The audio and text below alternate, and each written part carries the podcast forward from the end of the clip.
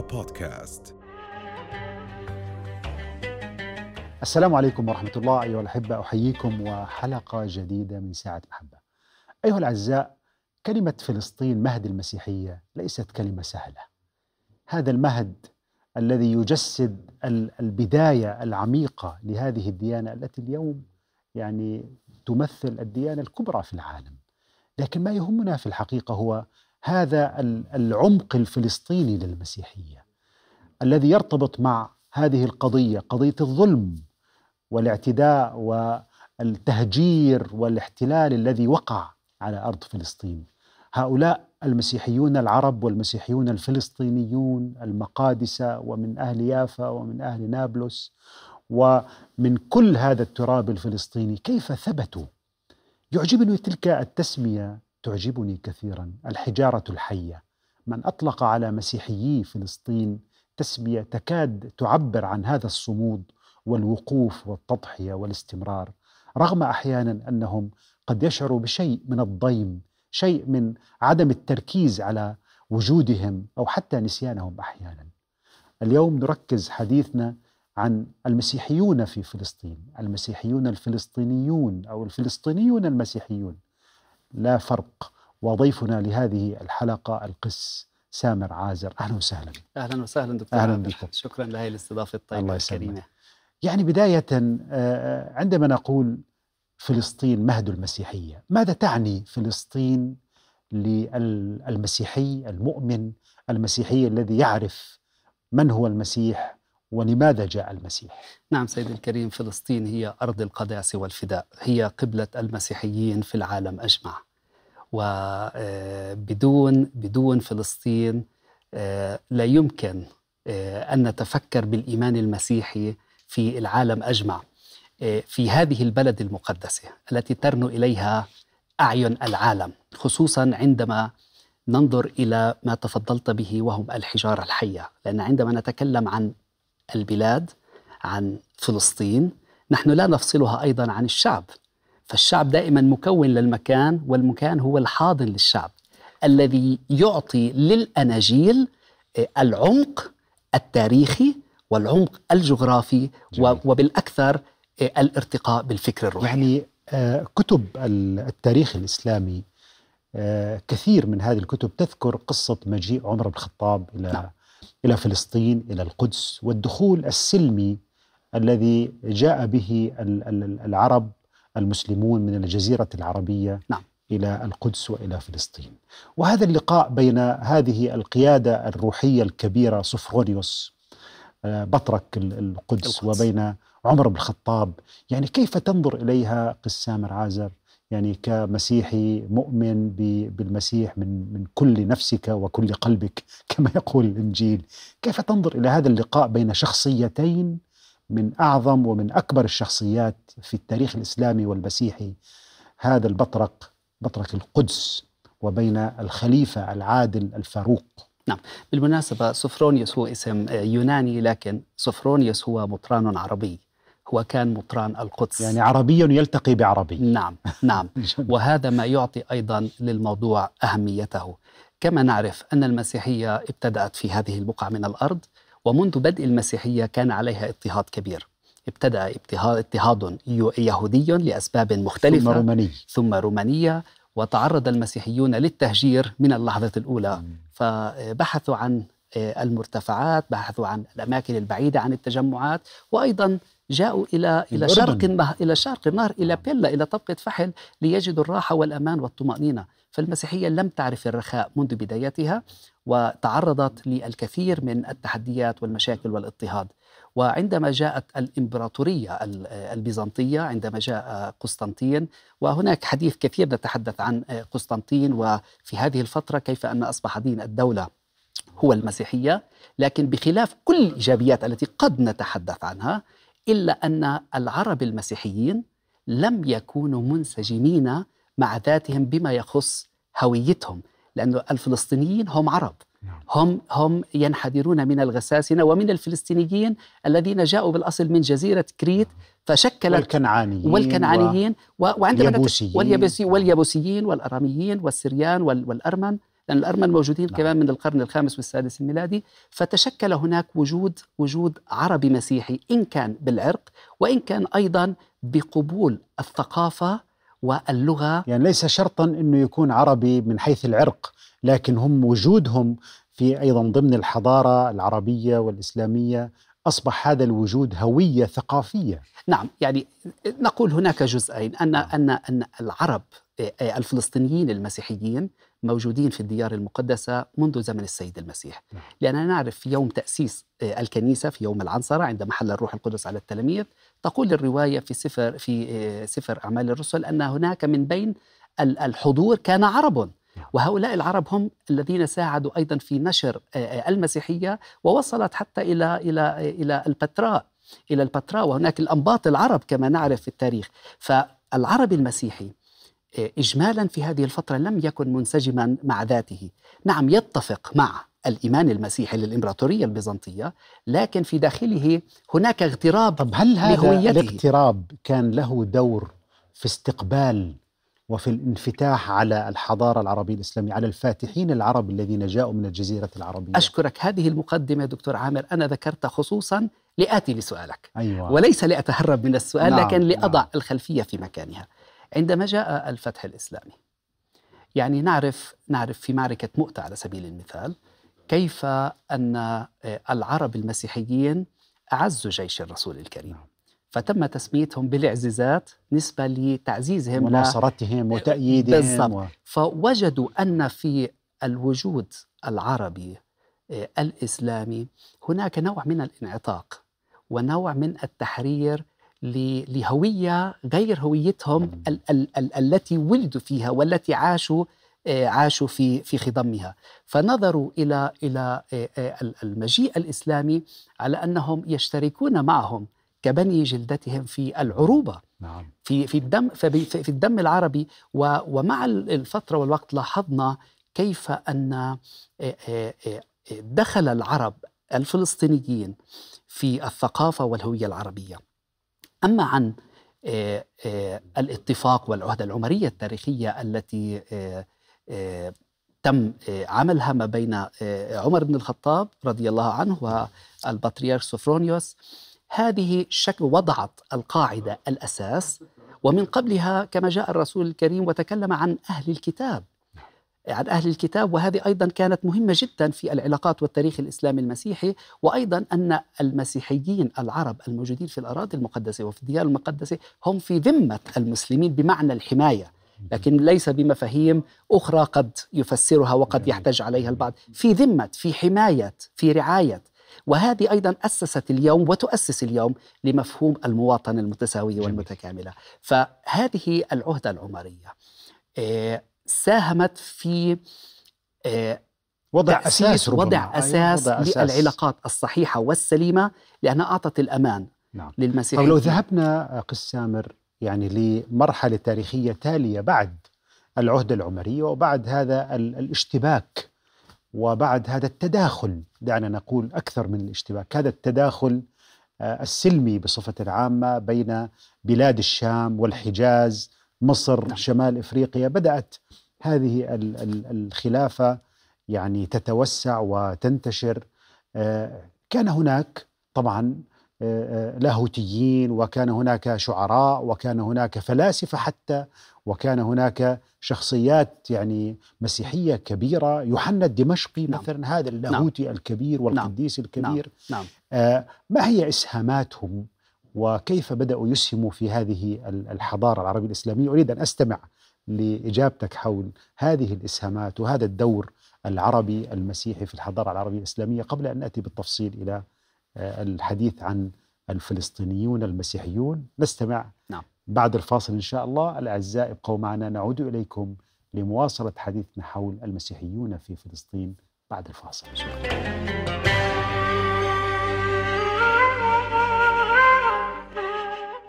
السلام عليكم ورحمة الله. عدنا من جديد أيها الأعزاء والحديث عن المسيحيون في فلسطين. موضوعنا لهذه الحلقة وضيفنا القس سامر عاسر يعني آه، ال- الحضارة العربية الإسلامية حضارة امتزجت فيها كثير من الأعراق والأديان. لم تكن مجرد عرب مسلمين ينهضوا بحضارتهم وحدهم ودون أي آه، تعدد ودون أي تنوع ضمن هذه الحضارة، كان سر نجاح هذه الحضارة هو في تنوعها وبالتالي فقدان هذا التنوع يعني بأننا سنعود إلى الصفر. كيف أسهم وكيف قام المسيحي الفلسطيني المسيحي الأردني المسيحي من بلاد الشام في ذلك الوقت يعني كانت كلها تسمية تشمل منطقة واسعة. كيف أسهموا في نهضة وفي قيام هذه الحضارة؟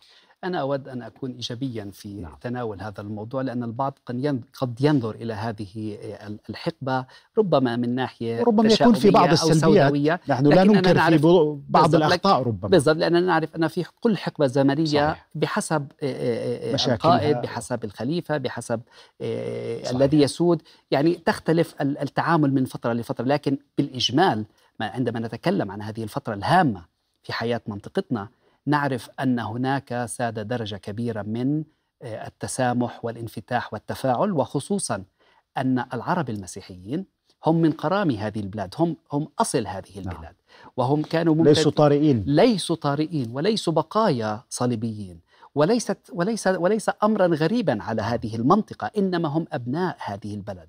هم من من من من صلب ترابها ومن صلب هوائها ومن صلب حجارتها ومن ومن صلب مائها.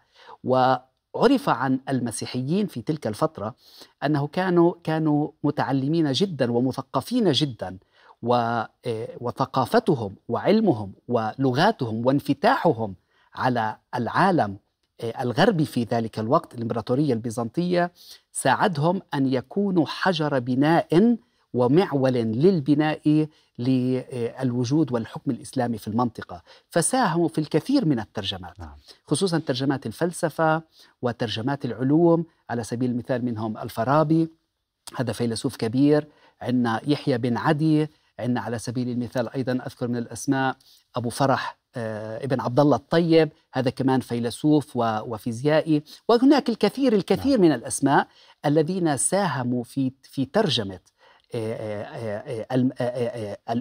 المواضيع العلمية والفلسفية من اللغة السريانية ومن اللغة اليونانية إلى اللغة العربية. جميل.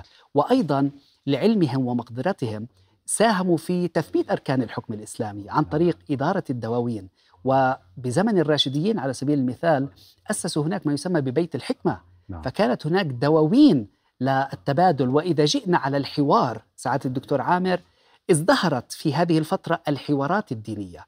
ومن بينهم ذكرت وعرجت على يوحنا الدمشقي هذا الإنسان المشرقي الفلسطيني اللامع الذي دخل في حوار في حوار لاهوتي مشرقي وفي أعقد الأمور خصوصا عندما نتكلم عن الثالوث الأقدس. فحاول بفكر عربي مسيحي وفلسفي, وفلسفي أن يوصل مفهوم الله الواحد الأحد في مفهوم الأقانيم الثلاثة. أن الله واحد لكن مثل الشمس هي نار ونور وهون وحرارة. يعني لما طرح هذا الفكر الديني في قالب فلسفي كان له دور في استنهاض ما يسمى بعلم الكلام. نعم. يعني علم الكلام الإسلامي عندما ندرس تاريخ نشأة علم الكلام في كتب العقيدة نعم. دائما يعني نجد هذه الحادثة أن يوحنا الدمشقي أحدث نوع من الحراك الفكري بين بعض العلماء المسلمين مما جعلهم يذهبوا إلى دراسة المنطق والفلسفة أن العقيدة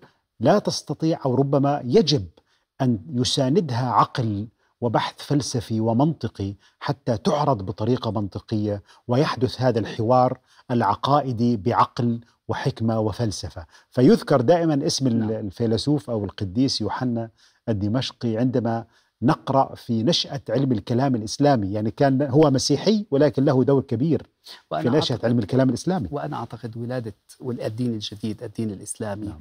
آه، بشكل آه، إيجابي شكل تحد أيضا للفكر المسيحي ولعلم اللاهوت ولعلم اللاهوت نعم.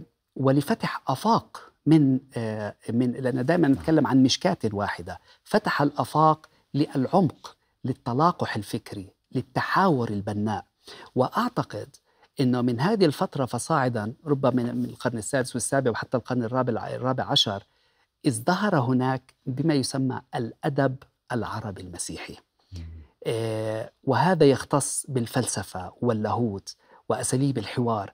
فوجود أيضا الدين الإسلامي آه، في هذه المنطقة فتح آفاق جديدة للحوار وللتقارب وربما طاقات كثيرة ربما نحن نستفيد منها اليوم وربما يحتم هذا علينا اليوم أن نرجع قليلا وندرس بعض هذه آه، المواد التي كتبت لأنه لابد أنها فيها فيها غنى لأنها صدرت آه، من أو نبعت من المكان ودائما نع- نعلم آه، أن اللاهوت والفكر الديني يجب أن يرتبط بالمكان عندها يكون للمفهوم الديني معنى جميل. للمفهوم أنه الديني ليس.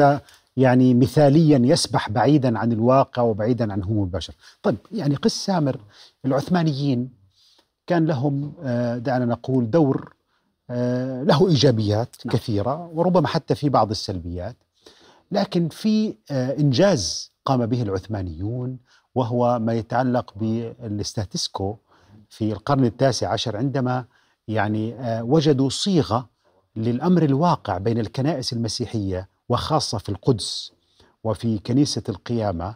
وهذه ال- ال- الصيغة نتيجة لوجود حتى بعض الاختلافات بين الكنيسة المسيحية حول من الذي يحظى بهذه المكانه أو هذا المكان أو ذلك المكان. العثمانيون لو جئنا اجمالا لنقول المسيحيون في فلسطين تحت الحكم العثماني ماذا يمكن يمكن أن نقول في هذه الفترة؟ أين كانوا؟ ماذا فعلوا؟ ماذا كيف كانت أمورهم في هذه المرحلة؟ يعني على ما أعتقد أن الفلسطينيين المسيحيين لا يختلفون في هذا الشأن عن المسيحي عن المسلمين الفلسطينيين. الحكم العثماني آه، آه، أتى بكثير من الويلات على آه، منطقتنا ولا سيما سياسة التجهيل وعدم وعدم بناء مرافق حياتية آه، تهم الناس وحياة الناس من مراكز تعليم من مدارس من مؤسسات آه، تعليمية عالية من مستشفيات. فهذا هذا آه، ساهم في تراجع الفكر آه، العربي في ذلك الوقت وربما آه، تتريك الهوية العربية و- والفكر العربي. هذا مما مما يؤخذ في بعض المراحل من تاريخ الخلافة العثمانية. أكيد أكيد هناك جوانب في مراحل أقاموا بعض المدارس في القدس نعم، وبعض ال... يعني كان في هناك بعض المنجزات الإيجابية. لا شك لا شك. يعني بالمجمل بالمجمل هناك لابد من الإيجابيات لكن في الفترة والسلبيات الأخيرة ربما في القرن الأخير من الخلافة العثمانية نعم. ربما بدأت الأمور نعم تصبح نعم. أكثر نحو النزعة التركية أكثر نعم. نعم والطبيعة العسكرية كان والطبيعة لها- العسكرية أكيد يعني أكيد في هناك نوع من الإيجابيات لا شك لكن لكن بالمجمل أن العربي شعر بغربة بغربة. بغربة مع سواء نفسه. مسلم أو مسيحي وعندما تتكلم عن عن الستاتس كو اللي وضع في ذلك الوقت تقريبا في العام آه، آه، 1854 أو 56 على ما أعتقد كان ضروري في ذلك الوقت خصوصا أن ست كنائس هي آه، لها أمكنة وتدير آه، عباداتها ما هي داخل هذه الكنائس؟ يعني هذا ربما يكون مهم أيضا إنه يعني يعرفوا أهم الكنائس المسيحية كمجموعات دينية داخل الإطار المسيحي نعم. موجودة في فلسطين. آه، بال- بالشكل الأكبر نعرف أن المسيحيين في فلسطين آه، ينقسمون إلى أربعة عائلات كنسية. هناك العائلة الأرثوذكسية وهي الكنيسة الأكبر آه، من حيث الحضور ومن حيث آه، التاريخ الزمني. وهناك العائلة الأرثوذكسية الشرقية وهم الأرمن والسريان والأقباط. نحن نحكي كعائلات تنوع من حيث كبير. القرب طبعاً. من الفكر اللاهوتي يعني أو تحت كل الكنسي. هناك أقسام. هناك أقسام مختلفة وليس بالضرورة أن يكون هناك توافق مائة بالمائة في كثير من الأمور آه، آه، ربما الفكرية أو اللاهوتية أو حتى التنظيمية.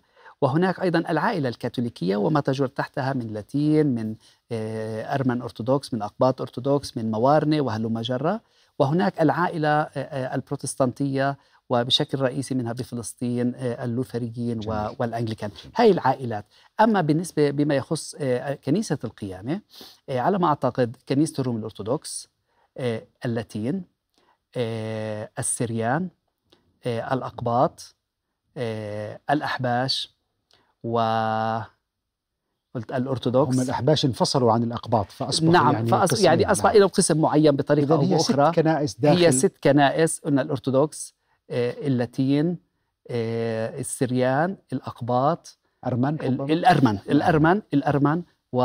والأحباش نعم يعني قس سامر المسيحيون بعد الفترة العثمانية وجاء الانتداب البريطاني ف وحركات التحرر في العالم العربي ضد الاحتلال وضد الانتداب والمسيحيون كانوا صفا إلى صف وكتفا إلى كتف إلى جوار إخوانهم وأبناء شعوبهم في المنطقة العربية ومنها أيضا في فلسطين، ربما هذه المرحلة مرحلة الاستعمار البريطاني والانتداب البريطاني والفرنسي وغير ذلك آه، ماذا فعل وأين كان وماذا فعل المسيحيون؟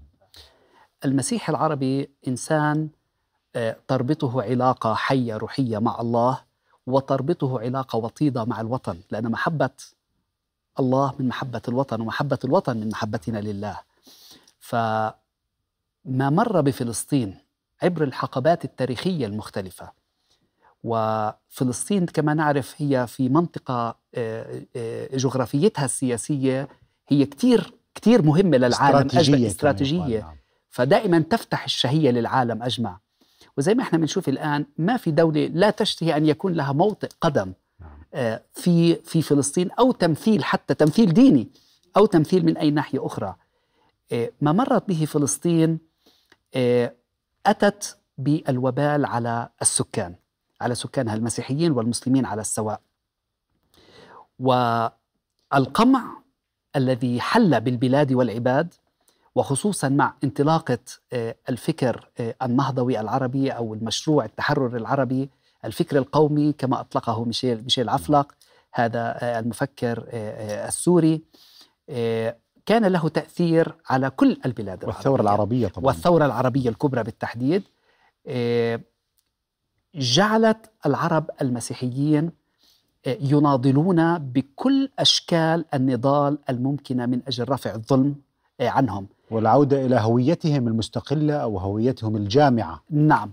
و وهذا ما يفسر آه، أن المخطط الاستراتيجي للمنطقة هو إفراغ المسيحيين من المنطقة لتحويل الصراع دائما من صراع على الأرض إلى صراع ديني. والله هاي النقطة يعني قس سامر وأنا أعتقد أنك أنت يعني من أقدر الناس أنك تتحدث عنها.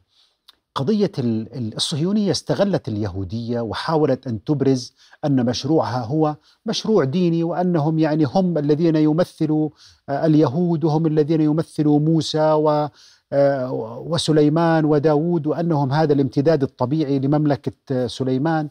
وبالتالي حاولوا أن يعطوا مشروعهم الصهيوني مبرر ديني. هناك من يقول أن يعني جعل الصراع في فلسطين هو صراع بين مسلم ويهودي وبطريقة دينية أنه سيخدم في النهاية اليهودية أو المشروع الصهيوني أكثر مما يخدم القضية الفلسطينية. هذه قضية ربما حساسة. هل إعطاء ال- الصراع هوية دينية سيجعل فلسطين تخسر في النهاية والصهيونية تزداد نجاحا لأنها ستظهر أن الصراع عقائدي وليس الصراع على أرض وحقوق وشعب منتهك ومحتل. آه، بالطبع أن قوة في إشكالية في الموضوع. قوة القضية الع- القضايا العربية أو قضية فلسطين بالتحديد هي بقوة تلاحم المسلمين والمسيحيين معا نعم. وأخطر شيء أن تحاول أن تبرر قضية ما آه، بتحريف فكر ديني أو بتجيير فكر ديني من أجل تحقيق آه، بعد بعد سياسي. آه، أخطر ما تمر به آه، القضية الفلسطينية أنك تحاول أن تبرر بآيات أو بفكر لا ينسجم مع الفكر المسيحي الجامع لتجعل أو لتعطي شرعية وحقا لهذه الأرض لليهود على سبيل المثال على حساب الوجود العربي المسيحي التاريخي هذه إشكالية كبيرة جدا نعم. ونحن نتنبه لها آه، وعلينا أن نبذل الكثير من والله الجهد مسؤولية يعني قس سامر وأنا يعني حقيقة أشعر أنكم يعني صراحة كعرب مسيحيين كأردنيين مسيحيين مسيحيين فلسطينيين مهما كانت ماذا نقدم ماذا نؤخر لكن أن هناك مسؤولية لأن هناك محاولة اختراق صهيوني مبرمج من خلال نوع من الفكر الديني خاصة في أوروبا لا أقول في العالم العربي في أوروبا. بعض الاتجاهات الدينية استطاعت الصهيونية أن تتمدد بطريقة ناعمة وذكية لاستقطاب بعض المؤيدين من قبل بعض الكنائس التي تنتسب أو التي تدعي بأنها إنجيلية أو تدعي بأنها وهي أنا متأكد بعيدة عن روح المسيح الذي لا يقبل الظلم ولا يقبل الاحتلال. فكيف نتعامل وأنتم حقيقة كيف تتعاملوا مع محاولات الاختراق الصهيوني لبعض وأنا أعود فأقول لبعض الاتجاهات الدينية أو الكنائس وخاصة في أوروبا. يعني أخطر شيء في التأثير نعم. آه، في التأثير على قضايا مختلفة هي الدخول من من المدخل الديني نعم لأن الإنسان بطبيعته دائما آه، عنده عنده عاطفي. عنده عاطفي والشعور الديني قد يؤثر عليه آه، بشكل كبير بفكر من الشغلات ال- التي نعملها والتي نقوم بعملها اولا بالدرجة الأولى هو أن نطلق لاهوتا عربيا فلسطينيا يتكلم عن مفهوم العدالة نعم. في الكتاب المقدس جميل ويتكلم عن آه، آه، ال- ال- الحق في الوجود ويتكلم عن آه، عدم استغلال أو تجيير الكتب الدينية آه، وإخراجها من من أجل سياقها مصالح سياسية إخراجها عن سياقها التاريخي جميل من أجل توظيفها مم. لتحقيق آه، تحقيق أهداف رسمت مسبقا من أجل تنفيذها بغطاء بغطاء ديني،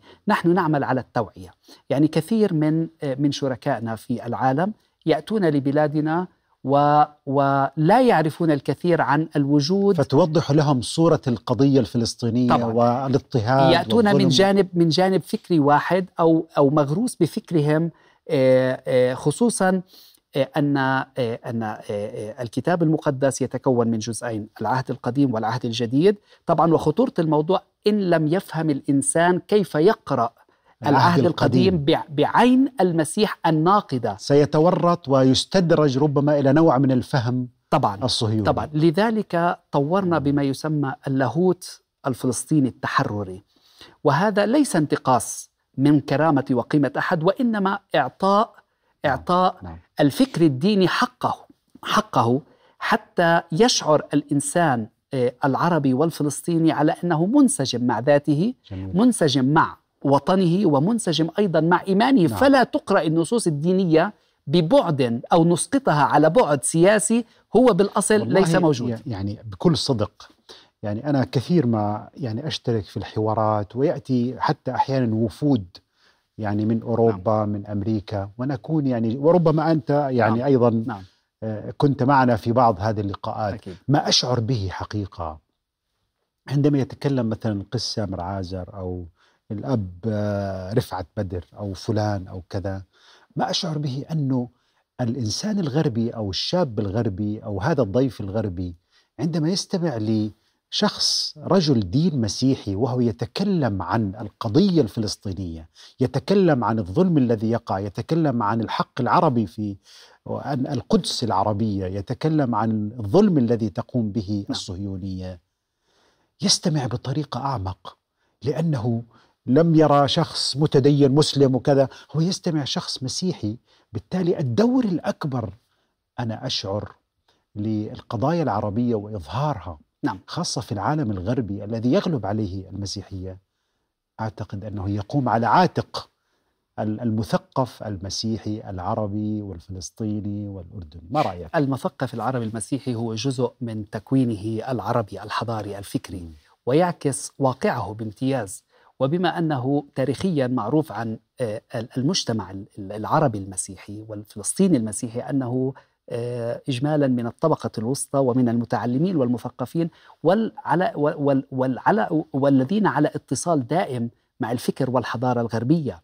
فشكلوا عبر الزمن رابط حضاري ما بين ما بين آه، الفكر الشرق أوسطي والعربي وما بين الفكر الغربي. دائما العربي المسيحي والفلسطيني والأردني آه، هناك أحيانا آه، صعوبات نتعرض لها. خصوصا أن الغربي لا يستطيع أن يفهم أن العربي هو مسيحي.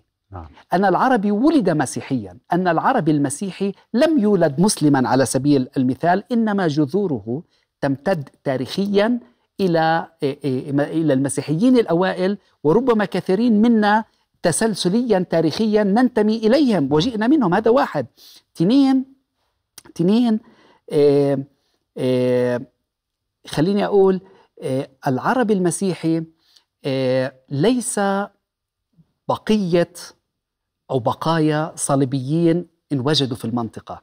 وهذا البعض قد يظن حتى في بلادنا العربية أن الوجود العربي المسيحي ليس تاريخيا وليس من جذور هذه البلاد وإنما أتى في مرحلة في مرحلة لاحقه يعني هاي قضية في غاية الأهمية نعم. يعني قسها من عازر آه، المقاومة لم تكن مقاومة فقط للفلسطيني المسلم وإنما كانت مقاومة لكل المكونات الدينية والعرقية كنت تجد محمود درويش يسجن وسميح القاسم وإميل حبيبي هذا الأديب الفلسطيني المسيحي الذي أرادوا أن يعطوه جائزة إسرائيل في الأدب فرفض أن يأخذ هذه الجائزة المطران كابوتشي, كابوتشي. نعم. هذا المطران المقاوم المناضل الذي يعني حفر اسمه في قلب كل إنسان عربي حر يعجب بهذه الشخصية الكبيرة الرائدة. المطران عطل اليوم في القدس بمواقفه العربية نعم. الفلسطينية ال ال التي تنسجم تماما مع الروح العروبية والوطنية. ماذا نقول عن الدور المسيحي في فلسطين للمقاومة؟ المقاومة بمعناها العميق والبعيد في نفس الوقت. سيد الكريم المقاومة تأخذ أشكال متعددة. نعم. آه، هناك المقاومة آه، التي تستخدم قوة السلاح من أجل تحقيق آه، الأهداف التي تريدها على اعتبار أن كثيرين يؤمنون أن القوة تحتاج إلى قوة. تتعدد أنواع المقاومة. هناك مثل ما قلت استخدام سلاح بطريقة أو بأخرى لكن هناك مقاومة سلمية بطرق كثيرة. هناك مقاومة عن طريق تطوير الفكر تطوير اللاهوت تطوير آه، وتنشئة الجيل نعم. الشاب ليرتبط بالأرض ليرى أن أن هويته أن هويته العربية موجودة هنا وأن حاضره وتاريخه هو في هذه المنطقة وبتشكيل هذه الهوية نحن نساعد شبابنا في التأصل وفي الباقة خصوصا أننا عندما نرى آه، نسبة الهجرة من منطقتنا وهناك طبعا عندما نتكلم عن الهجرة نتكلم عن مسلمين ومسيحيين لكن تظهر بشكل أكبر على المسيحيين طبعا لأسباب كثيرة لكن ربما منها أن نسبة الولادة عند المسيحيين على سبيل المثال 1.9 يعني ولد أو ولدين بالأكثر فهذه النسبة المتدنية لا تغطي نسبة الهجرة الكبيرة. يعني قس سامر بأن هناك نوع من الش... من العمل الممنهج الإسرائيلي أو الصهيوني لتفريغ فلسطين من المسيحيين المقدسيين والمسيحيين الفلسطينيين عموما هل هناك نوع من التسهيلات الإغراءات آه، غير المباشرة آه، مع بعض القنصليات مع بعض الجهات تقديم تسهيلات من أجل نعم. هجرة من أجل يعني ولماذا وكيف نواجه أيضا يعني كما الموضوع. كما تبين مؤخرا إنه هناك هناك نوع من التسهيلات م. لتفريغ آه، فلسطين كل فلسطين نعم. من من سكانها لكن بالتحديد على الفلسطينيين المسيحيين هناك طب لماذا الفلسطينيين؟ لأنهم يثيروا قلق الصهيونية، المعادلة ستكون مختلة، إنه ليس التطرف الإسلامي مقابل اليهودية وإنما هناك بشر مسيحيون مثل المسيحيين في فرنسا ومسيحيين في بريطانيا أيضا هم ضحايا للصهيونية؟ أعتقد أن العربي المسيحي متمسك بجذوره، نعم متمسك بأرضه.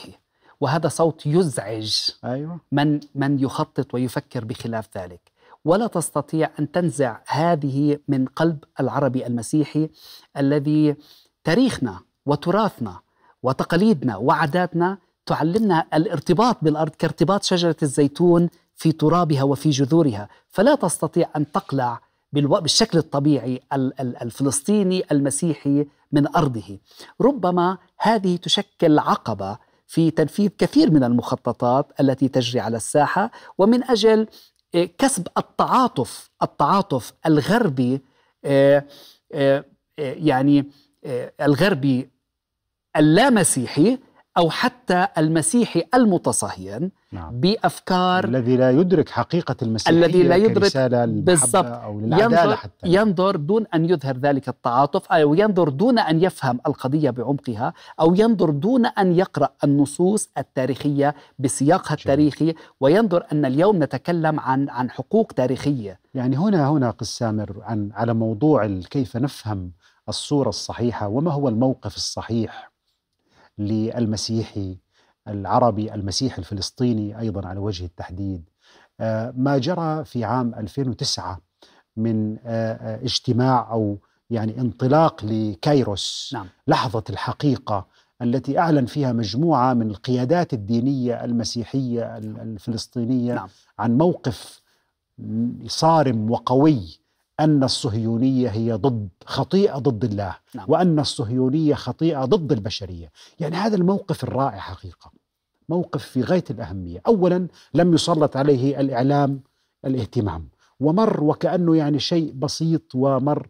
يعني وكان موقف رائع يجسد النضال المسيحي الفلسطيني العروبي المؤيد لحقوق الشعب الفلسطيني والمناهض للصهيونية. نعم. يعني بداية كيف تنظر لي يعني هذا ال- ال- المؤتمر أو هذا الإعلان نعم. آه الذي يعني وقع عام 2009 يعني أعتقد هذه فكرة آه، أخذت من فكرة سابقة لها نعم. عظيمة كانت في زمانها وكان تأثيرها كثير كبير وهي كايروس جنوب إفريقيا نعم. آه آه، بال 85 زمن- أعتقد. بال 85 و وهذه الوثيقة طبعا إحنا بنحيي كل شخوصها بالوقت والجهد اللي اللي بذلوه بالعمق التاريخي والعمق آه، الديني الوطني والعمق. اللاهوتي والعمق الوطني. اللي يساعدوا الجيل الجديد بالدرجة الأولى ويساعدوا شركائنا المسيحيين في العالم أن يفهموا حقيقة الواقع على أرض الواقع حقيقة الواقع في فلسطين وبأنه لا يجوز أن تجير قضية فلسطين وتعطى صبغة دينية من أجل انتزاع انتزاع حقوق تاريخية للشعب الفلسطيني. للشعب الفلسطيني نعم. فهذه الوثيقة آه، هي وثيقة في حد ذاتها هي وثيقة صعبة خطرة آه، لأن عندما تلقي الضوء على الشيء وتحاول أن تبرزه بعمقه آه، أنت عمليا تجرد كثير من الفبركات التي تصاغ بطريقة أو بأخرى لتبرير أفكار أفكار مغلوطة نعم. نعم. آه، الفلسطيني الذي يعيش على الأرض يحتاج إلى مثل هذا الفكر النقي حتى يقدر أن يتعايش بفكره الديني مع وطنيته. فلا يرى اغتراب في نفسه ما بين إيمانه وما بين انتمائه الوطني من أجل تشكيل الهوية الوطنية ومن أجل آه، التشبث بالأرض ومن أجل أن يرى أن إيمانه لا يرى النور ولا يرى القوة إلا ما ان إيه، لا يرى القوة والنور إلا من خلال انتمائه آه، الوطني وعطائه لبناء الوطن جميل. التاريخي يعني ربما لم يبقى معنا كثير من الوقت ولكن يعني ما هي نظرتك لمستقبل الوجود المسيحي في فلسطين؟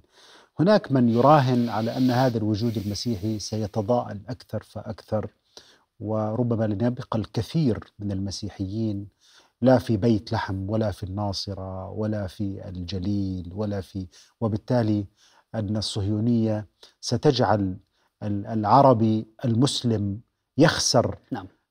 نصيره في النضال ويخسر جزء من يعني النضال الذي يقوم على ال- المسيحي ال- الفلسطيني هل هذا المخطط الصهيوني سوف ينجح في اقتلاع المسيحي الفلسطيني بهذا الشكل كيف كيف سيكون مستقبل المسيحي في في القدس وفي هذه المناطق في فلسطين؟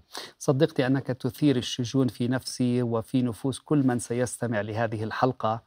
آه، لمستقبل الوجود العربي المسيحي ليس فقط في فلسطين إنما في كل البلاد العربية خصوصا أن هناك دراسة أجريت آه، بمعهد بواشنطن عن مستقبل المسيحية في البلاد العربية. نعم. ويقال أن من خلال هذه الدراسة المسيحية أن عدد المسيحيين العرب في البلاد العربية في الشرق الأوسط سيتضاءل إلى نسبة 3% هذا طبعا وضع خطير جدا. إذا أخذنا هذا وأخذنا المعيار كيف كان الوجود المسيحي في الشرق الأوسط بأوسعه في العراق في سوريا في لبنان آه، حتى في الأردن للظروف الأردن الاقتصادية. يعني كان قرابة 20% والآن يعني نتكلم في عن بداية العشرينات كان نسبة المسيحيين في الأردن قرابة 20 إلى 22 والآن نتكلم عن عن أقل من 2% بفلسطين تاريخيا يقال أن المسيحيين الفلسطينيين 3% نعم. وعدد المسيحيين الفلسطينيين المغتربين في العالم حوالي 3 مليون. وهذا ربما مؤشر على وجود مشكلة نعم. وهناك كبيرة. وهناك تضاؤل كبير وما سبب من هذه التضاؤل طبعا بالإضافة نعم. للظروف الاقتصادية الصعبة الناجمة عن الاحتلال واحتلال الأرض بال 48 وال لأن هي أسباب 67 عديدة و... هي أسباب عديدة ومختلفة. نعم. الحقيقة يعني موضوع في غاية الأهمية يعني قس سامر عازر لا يسعني في نهاية هذا اللقاء لأن أشكرك شكرا جزيلا وأن المستقبل مهما كانت التحديات سيكون هو للحق الفلسطيني وللمسلم والمسيحي جنبا إلى جنب في مقاومة يعني هذا الاحتلال في فلسطين. إن خسارة الوجود المسيحي هو خسارة أيضا للمجتمع العربي ولذلك نحن لا نيأس ولن نيأس لأن جذورنا في هذه البلاد وسنعمل من أجل إعادة قوتها، إعادة قداستها وإعادة رسالتها للعالم. شكرا شكرا جزيلا قس سامر عازر وأنتم أيها الأعزاء. إلى أن نلقاكم في حلقة أخرى أستودعكم الله